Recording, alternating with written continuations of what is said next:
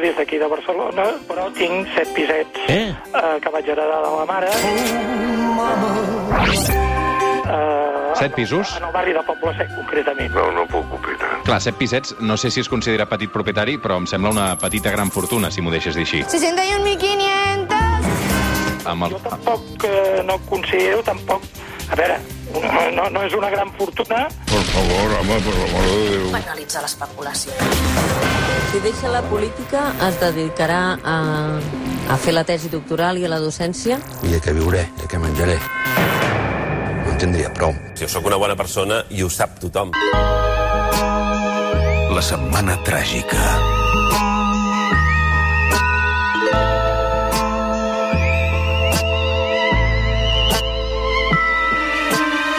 Cada diumenge a les 10, la setmana tràgica, a Londres hi tenim el Leon Sindreu, que és periodista columnista del Wall Street Journal. Leon, què tal? Bon dia. Bon dia, bon dia. I el- Aquí encara despertant-nos. I el Toni Rodon, que és doctor europeu en Ciències Polítiques, investigador a la London School of Economics, Universitat de Stanford, a Califòrnia, també. Toni, bon dia, bona hora. Bon dia, bona hora, com estem? Es parla molt de Londres, deu estar de moda com a ciutat de negocis. Ara parlàvem també amb la, amb la Sònia Gelmà, que es veu que Jaume Giró eh, ha de venir molt a Londres i que, per tant, no... I no, no ho sabia, no?, abans de, la, de les eleccions, diguéssim. No ho sé. Jo... Ha vingut per sorpresa. Ha vingut per no, sorpresa. No vivia aquí Sandra Rossell, Sandro Rossell, també? A Londres? Al seu dia? Ah, no ho sé. que sí. No ho sé, això. És que es va desplaçar a Londres a, després Això vosaltres, nois, que, que fa tants anys que hi viviu, que deveu estar més informats. Mm. Hi ha una certa atracció, sí. No, no, no, no s'entén molt bé. Com esteu? Bé, hem tingut una setmana distreta escapa amb, amb qüestions reials, com et pots imaginar, una I mica tant, com sempre. i tant, i Però tant, bé, i tant. bé, ha estat, ha estat distreta la setmana amb, amb Meghan i Harry fent aquesta entrevista que ha tingut molt d'èxit. De fet, fins i tot jo la vaig mirar uh, i la veritat és que ha estat, ha estat suculenta. Uh, fins i tot ha generat una reacció de la família reial, cosa que no passa sovint perquè, en general, la resposta més habitual és el silenci. I aquest cop han fet un comunicat breu. Iona, a tu t'interessa també tota aquesta polèmica o no? En teoria no, però he d'admetre que també vaig mirar l'entrevista. Ah. Sí. Ah, sí, que veus? sí, que t'hi ha- sí. És una mica un guilty pleasure com Isla de les Tentaciones, eh? Sí, home, jo crec que Isla de les Tentaciones té més acció, eh? és, és més entretingut. Um, allò, allò tenia més interès perquè a tothom li interessa que no perquè a mi em fes especial il·lusió. Mm -hmm. Avui, a la Setmana Tràgica, al suplement, parlem eh, d'un tema menys superficial del que sembla. Avui, a la Setmana Tràgica, amb el Toni Rodon i el Leon Sindreu, els estereotips. Cayera, ¿estarías preparado para ser ¿El padrino? Es una actitud, Greg. una manera de comportarse para que sepan quién es el macho de la manada? Ahora tú cortas el bacalao. Te estoy observando. Vaya, veo que la dinámica familiar está en peligro. Això crec que era un fragment de Ahora los padres son ellos. Uh, per parlar d'estereotips amb el Leon Sindreu i el Toni Rodon, uh, el primer que m'interessaria, Toni, uh, és que em facis una mica de definició de què és un estereotip, no?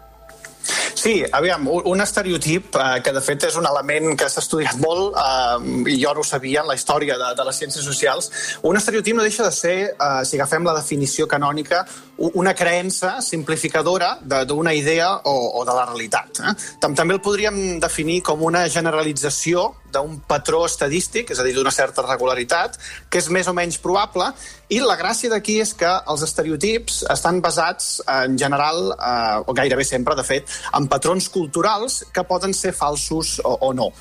Per exemple, eh, dos estereotips, un estereotip més nou i un de clàssic. Un estereotip més nou seria aquesta idea de, de que els politòlegs hem estudiat ciències polítiques per ser tertulians i polítics. Eh? Això és un, un estereotip.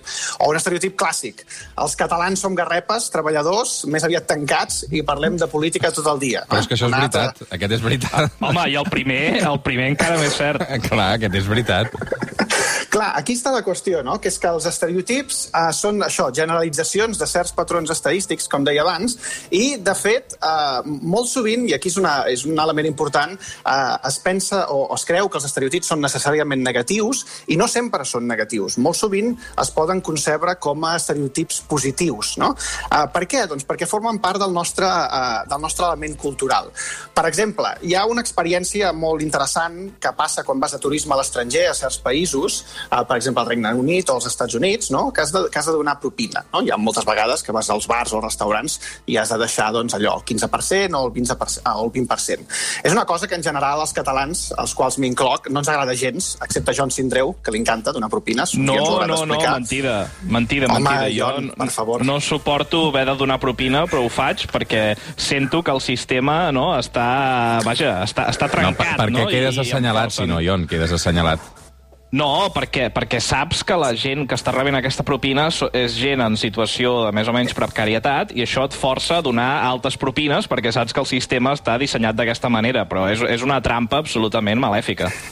Don, doncs això, a, a, segurament molts de nosaltres ens hem trobat, alguns, en aquella situació en què vas donar propina i ets amb un grup de catalans o, o que, perquè els sents parlar al costat i de cop eh, s'estableix aquesta, aquesta connexió, diguéssim, cultural de dir doncs, que difícil que és donar propina, no estem acostumats, etc. És a dir, en certa manera, és una interiorització o una internalització d'un estereotip eh, que tenim, que és aquest codi cultural de que nosaltres no ens agrada o no donem propines eh, en, en general. Això passa també amb el llenguatge, no? Quan estem a l'estranger i sentim a una persona parlant la nostra llengua, de seguida doncs, ja aixequem el cap i diem ei, aquesta persona és del país i indirectament o directament pensem que aquella persona eh, serà una bona persona amb la qual podem establir una conversa. Quan estadísticament aquella persona que ens hem trobat, no ho sé, al mig de l'Argentina o al mig de les estepes russes, potser és igual de malparit que bona persona, no ho sabem. Però l'estereotip ens porta a pensar doncs, que eh, aquesta persona serà, serà amigable. És, de fet, un codi cultural que ve de l'evolució, com un mecanisme de protecció que, eh, que, que els humans van originar eh, al principi, quan ens vam diferenciar dels animals, i que, de fet, tenim molt interioritzat. Mm -hmm. Ion, Sí, clar, aquí, eh, i això jo recordo que és un, una, un fet que jo estudiava bastant a, a enginyeria informàtica, eh, que és el que s'anomena l'heurística. No? L'heurística és aquesta necessitat de crear un algoritme eh, que t'arribi a una decisió en una situació en què tu no pots tenir tota la informació o has de reaccionar força de pressa, que són pràcticament totes. No? Eh, si pensem, per exemple, si, si tu vas pel carrer, escapa, fer allò que fas, no? de, de fer running i aquestes coses, mm. um, i de cop veus que, veus que hi ha un gos que corre cap a tu, no? Mm -hmm. I tu has de determinar en 5 segons si aquell gos és agressiu o no. jo Què fas? Jo m'aparto segur. Ah, però una manera de, de saber-ho... I sóc molt o que- prudent. Conscient o inconscientment, si tu veus que el gos és un pitbull, Uh -huh. què fas? Tens una tendència molt més alta a dir, ostres, no? això, això compta perquè els pitbulls són agressius. Uh -huh. um, si el gos, en canvi, doncs, posem és un gran danès, potser et farà menys por. No? Això és una, és, és una conclusió a la qual el teu cervell arribarà molt de pressa basat en informació que tu ja tens sobre uh, les diferents uh, races de gossos. Um, clar, els pitbulls són més agressius de mitjana, no vol dir que aquell gos concret, no, es, per ser un pitbull sigui més agressiu o que si és un, un gran danès doncs puguis anar amb compte. Llavors aquí ens trobem que hi ha uh, do, dos efectes no, d'aquesta heurística, d'aquesta generalització que estem fent servir. El primer és la pregunta de si la recerca o l'anàlisi que has fet per arribar a aquesta conclusió estadística és correcta o no. I això no sempre és veritat. Per exemple, en el seu dia molts científics pensaven en el, que, que a la mida i la forma del crani determinava la intel·ligència i la personalitat de la gent, que és una pseudociència que ara sabem que és mentida, que es deia frenologia, per no dir eh, moltes coses molt, encara més racistes que els científics pensaven que eren certes. No? Um, I això és el que els economistes anomenen la discriminació basada en gustos, que és el fet de que a mi eh, doncs no m'agrada la gent de color, eh, a mi eh, penso que les dones són més emocionals, eh, tot aquest tipus de, de, no, de discriminacions que estan basades en aquestes impressions personals que no són veritat. Um, les, el segon tipus de, de, de, de situació que sorgeix de fer servir els estereotips és uh, el que ara comentàvem, és la discriminació estadística, que vol dir que encara que la ciència que apliquis sigui correcta, quan l'apliques als individus estàs sempre cometent un cert error uh, per necessitat, no? perquè cada individu diferim de la mitjana. Hi haurà pitbulls més agressius de la mitjana dels pitbulls i pitbulls menys agressius de la mitjana dels pitbulls, però eh, segueix sent veritat que els pitbulls de mitjana són més agressius i això és una informació que el teu cervell necessita. Um, llavors, amb aquests dos elements hi havia molts economistes mainstream, per exemple, um, podem pensar en Gary Becker, de l'Escola de Chicago, que tradicionalment defensaven que la discriminació era bona i que s'havia de permetre. I per què, deia Becker? Diu, uh, perquè, clar, si la discriminació és el primer tipus de, de discriminació, no? que és aquesta discriminació de gustos, aquesta discriminació eh, perquè la gent és racista o és sexista, el que passa és que posem que hi ha empreses que només es dediquen a, a, a contractar homes, sempre hi haurà una altra empresa que contractarà les dones més barates, es farà d'or i al final guanyarà tants diners que la competència farà que totes les empreses ho facin i per tant la discriminació desaparegui. I per tant l'única discriminació que no desapareixerà és l'estadística i aquesta diu és bona, no? És a dir, si hi ha discriminació, si hi ha aquesta, aquesta bretxa salarial és perquè de mitjana les dones deuen ser pitjors treballadores. Clar, això és una conclusió bastant sorprenent i horrorosa, però era la conclusió mainstream de la majoria d'economistes i hi ha casos en què sembla que sí que més o menys es complia. Uh, per exemple, uh, en el llibre Soccernomics, que va sobre el futbol, en Simon Cooper i Stefan Simansky analitzaven dades de la Premier League dels anys 70 endavant i trobaven que, uh, com que hi havia havia racisme, molts equips no contractaven negres. Uh, però hi havia uh, excepcions. L'Arsenal i el Brest Bromwich, per exemple, sí que contractaven jugadors negres i resulta que si ho controlaves pel nivell de salaris obtenien molt millors resultats. Fins que, a final dels anys 90, doncs l'efecte ja havia desaparegut. Uh, això suggereix que al final aquest efecte que deia Gary Becker sí que passa. Quin és el problema? Que això passa amb el futbol, perquè és, un, és, un, és una situació que als economistes els agrada analitzar analitzar molt, perquè els resultats són fàcils d'analitzar, perquè els treballadors són estrelles que tenen tot el poder, però no en el 99% de l'economia les coses no funcionen així perquè el que determina el teu salari és el poder, no? és el poder del treballador eh, sobre l'empresari perquè la contribució de cadascun de nosaltres és impossible de mesurar. Per tant, l'evidència que hi ha és que els estereotips tenen efectes molt negatius i que aquestes bretxes salarials no es tanquen i, i n'hi ha, doncs, vaja, eh, recerca eh, doncs, a dojo no? per, per demostrar que en les relacions humanes l'estereotip és una mena de profecia autocomplerta que fa que el teu rendiment acabi sent dolent. No? Llavors això fa que aquesta profecia mateix faci que aquesta teoria de que les empreses acabaran eh, no guanyant més diners si contracten a gent que es troba socialment oprimida, doncs no es compleixi. Toni. Sí, no, i no només les persones. Aquí hi ha una cosa que és que l'estereotip també sorgeix de, del propi espai, de la geografia. Um, que, I com, com deies, una cosa que de fet uh, els estudiosos ens diuen que ve de l'evolució. Per, per exemple, escapa, si, si ara mateix et dic um, cap al programa, ara, i anem d'excursió a Sant Cugat, uh -huh. uh, el que faràs, directament o indirectament, uh, la teva ment començarà a pensar una mica com és la gent que t'hi trobaràs a Sant Cugat, no? És a dir, començaràs a pensar allò de tots votants convergents en pis a la Cerdanya i en un municipi que és un enclau europeu europeu en netedat i en ordre, no? En canvi, si, si, el, si et dic el mateix i et dic, escolta, escapa, deixa el programa i anem a Singerlin, uh, directament o indirectament el teu cervell eh, pensarà doncs, el mateix que abans, però al revés, no? Per tant, la pròpia geografia ja ens porta a pensar en establir certs estereotips mentals que fa que, eh, com deien jo abans, eh, eh, naveguem per aquest, per aquest món complex. Aquí una mica el debat, que és plenament interessant, és si eh, podem imaginar-nos un món sense estereotips o no. I clar, això és molt difícil. I un dels casos més interessants eh, per mostrar aquest dilema és la qüestió del, dels currículums. No? Per exemple, en el, en el Regne Unit, quan demanes feina, eh, per, eh, no, no, no, no, pots no posar pots la... posar la cara en el currículum. Efectivament, sí. no pots posar la cara en el currículum perquè s'ha demostrat, hi ha molta recerca al respecte, que mostrar la cara doncs, eh, genera molts biaixos. Sí, clar, clar, clar. Discrimino, sobretot per dones i per, per minories ètniques. Clar, I ara, ara això... el debat, Toni, és fins i tot si posar noms. Ara s'està Si parlant de si posar noms. Sí, sí, sí, ara, ara es diu de que...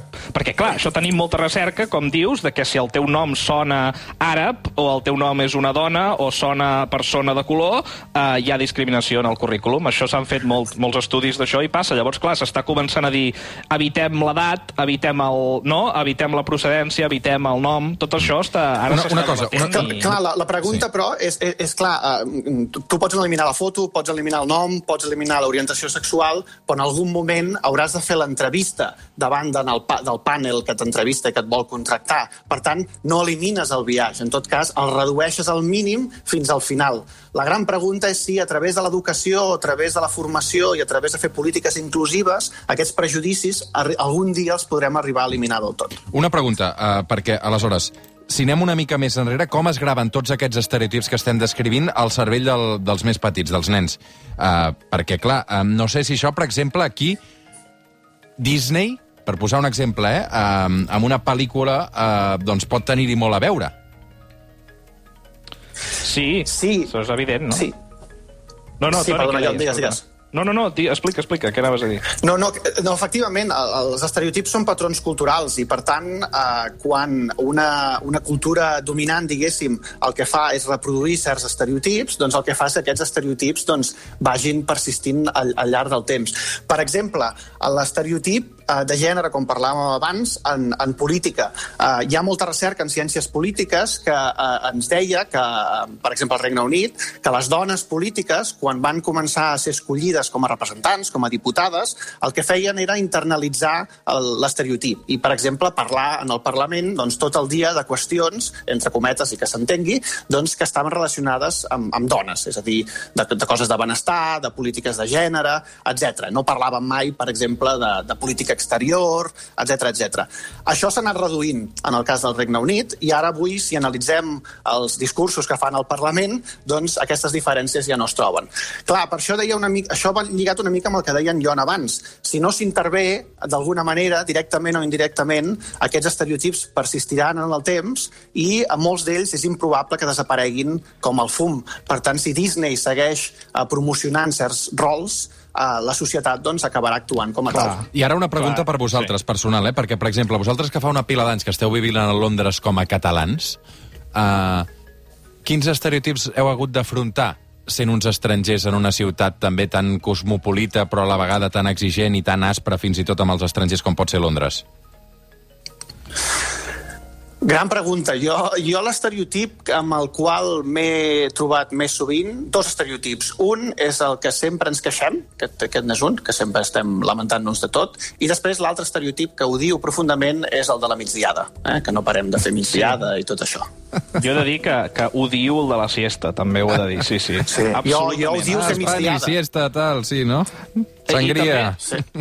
No, i, i afegir una cosa al que, deia, al que deia el Toni, no? que és que el primer problema que, que ell explicava molt bé és precisament aquest de que això que deia en Gary Becker i aquesta gent de, ah, és que això és discriminació estadística, això és discriminació basada en gustos, això no ho pots saber, perquè quan, quan parlem de, de persones humanes i no d'espècies de gossos, eh, com deia el Toni, els missatges, la manera com tractes la gent, la manera com analitzes fins i tot el rendiment, ja estan causant tot això. Per tant, aquesta idea no, de que a les professions tècniques hi ha més homes perquè és el que realment no, a, a, ens especialitzem perquè biològicament som així, no té, no té cap fonament científic. Però després l'altre problema és que, enca és que encara que la discriminació sigui purament estadística, i això crec que a vegades no en parlem prou, eh, hi ha problemes a l'aplicar-la a, la, a la gent. A vegades és socialment inacceptable que encara que estadísticament no, eh, la- l'heurística que fem servir sigui correcta, a l'hora de la veritat l'apliquem. I aquí un exemple eh, que és evident és, per exemple, a les cerques que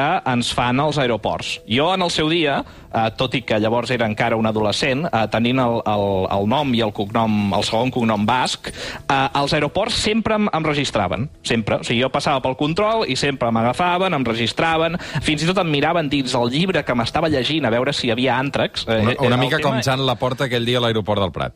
Efectivament, i a mi sempre em tocava, sempre, eh, perquè doncs, a tots els aeroports hi havia doncs, eh, les fotos dels de, terroristes de l'ETA. Um, I això els hi passa, per exemple, també en els musulmans. Clar, si tu analitzes científicament si això té sentit, la resposta és sí. És molt més probable en la situació política del segle XXI que els musulmans siguin terroristes, igual que en el seu dia ho era que ho fóssim els bascos o els irlandesos. Això estadísticament és així perquè hi ha una situació política concreta en aquests països que afecta uh, culturalment la gent que és d'aquesta religió. Um, però clar, llavors dius, ah, doncs perfecte, discriminem a favor no, de, de tota la gent de religió musulmana i el regirem en els aeroports. Aquí el problema és que estàs infligint un prejudici social i un estigma brutal sobre el 99,99999% de la gent a qui està registrant que tot i ser musulmans no són terroristes basats en una estadística mitjana que és lleugerament més elevada. I aquí uns uh, psicòlegs uh, de la universitat d'una universitat d'Escòcia, per exemple, van fer un estudi sobre què passa en els aeroports escocesos quan s'infligeix això sobre els musulmans i resulta que uh, el seu sentiment d'identitat, el seu sentiment de respectabilitat, uh, el seu comportament uh, canvia radicalment a causa de ser uh, freqüentment registrats i que, per tant, el que acaben fent és, és evitar anar per certs aeroports. Això eh, doncs et demostra que fins i tot quan la discriminació o l'estereotip és útil eh, pel nostre cervell per funcionar en el món, aplicant-lo als individus humans concrets eh, doncs pot generar molts perjudicis. Tres minuts per arribar a dos quarts d'onze del matí. Ho hem de deixar aquí, companys, perquè me'n vaig cap a Mart després de la publicitat. Caram, tapa't, eh? Fa fred. Mm. Però tornes o no? Ja ho veurem, depèn. Depèn, depèn, depèn. Hem anat al CCCB... A no cal, eh? bueno, no ho sé. Uh, saps a veure, com... pel panorama que et trobaràs aquí, potser no cal, eh? Heu vist la pel·li del Matt Damon? Home, sí. i tant, molts cops. Uh -huh. doncs... És més, és més uh, vaig veure dues pel·lícules uh, seguides on Matt Damon estava en un planeta i l'havien de rescatar.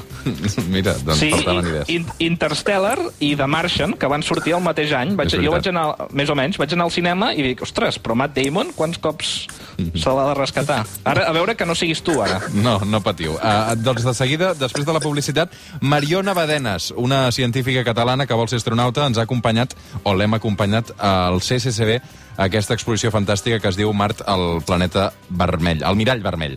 Una pausa i ara en parlem. Gràcies, adeu, companys. Una abraçada. El suplement, amb Roger Escapa.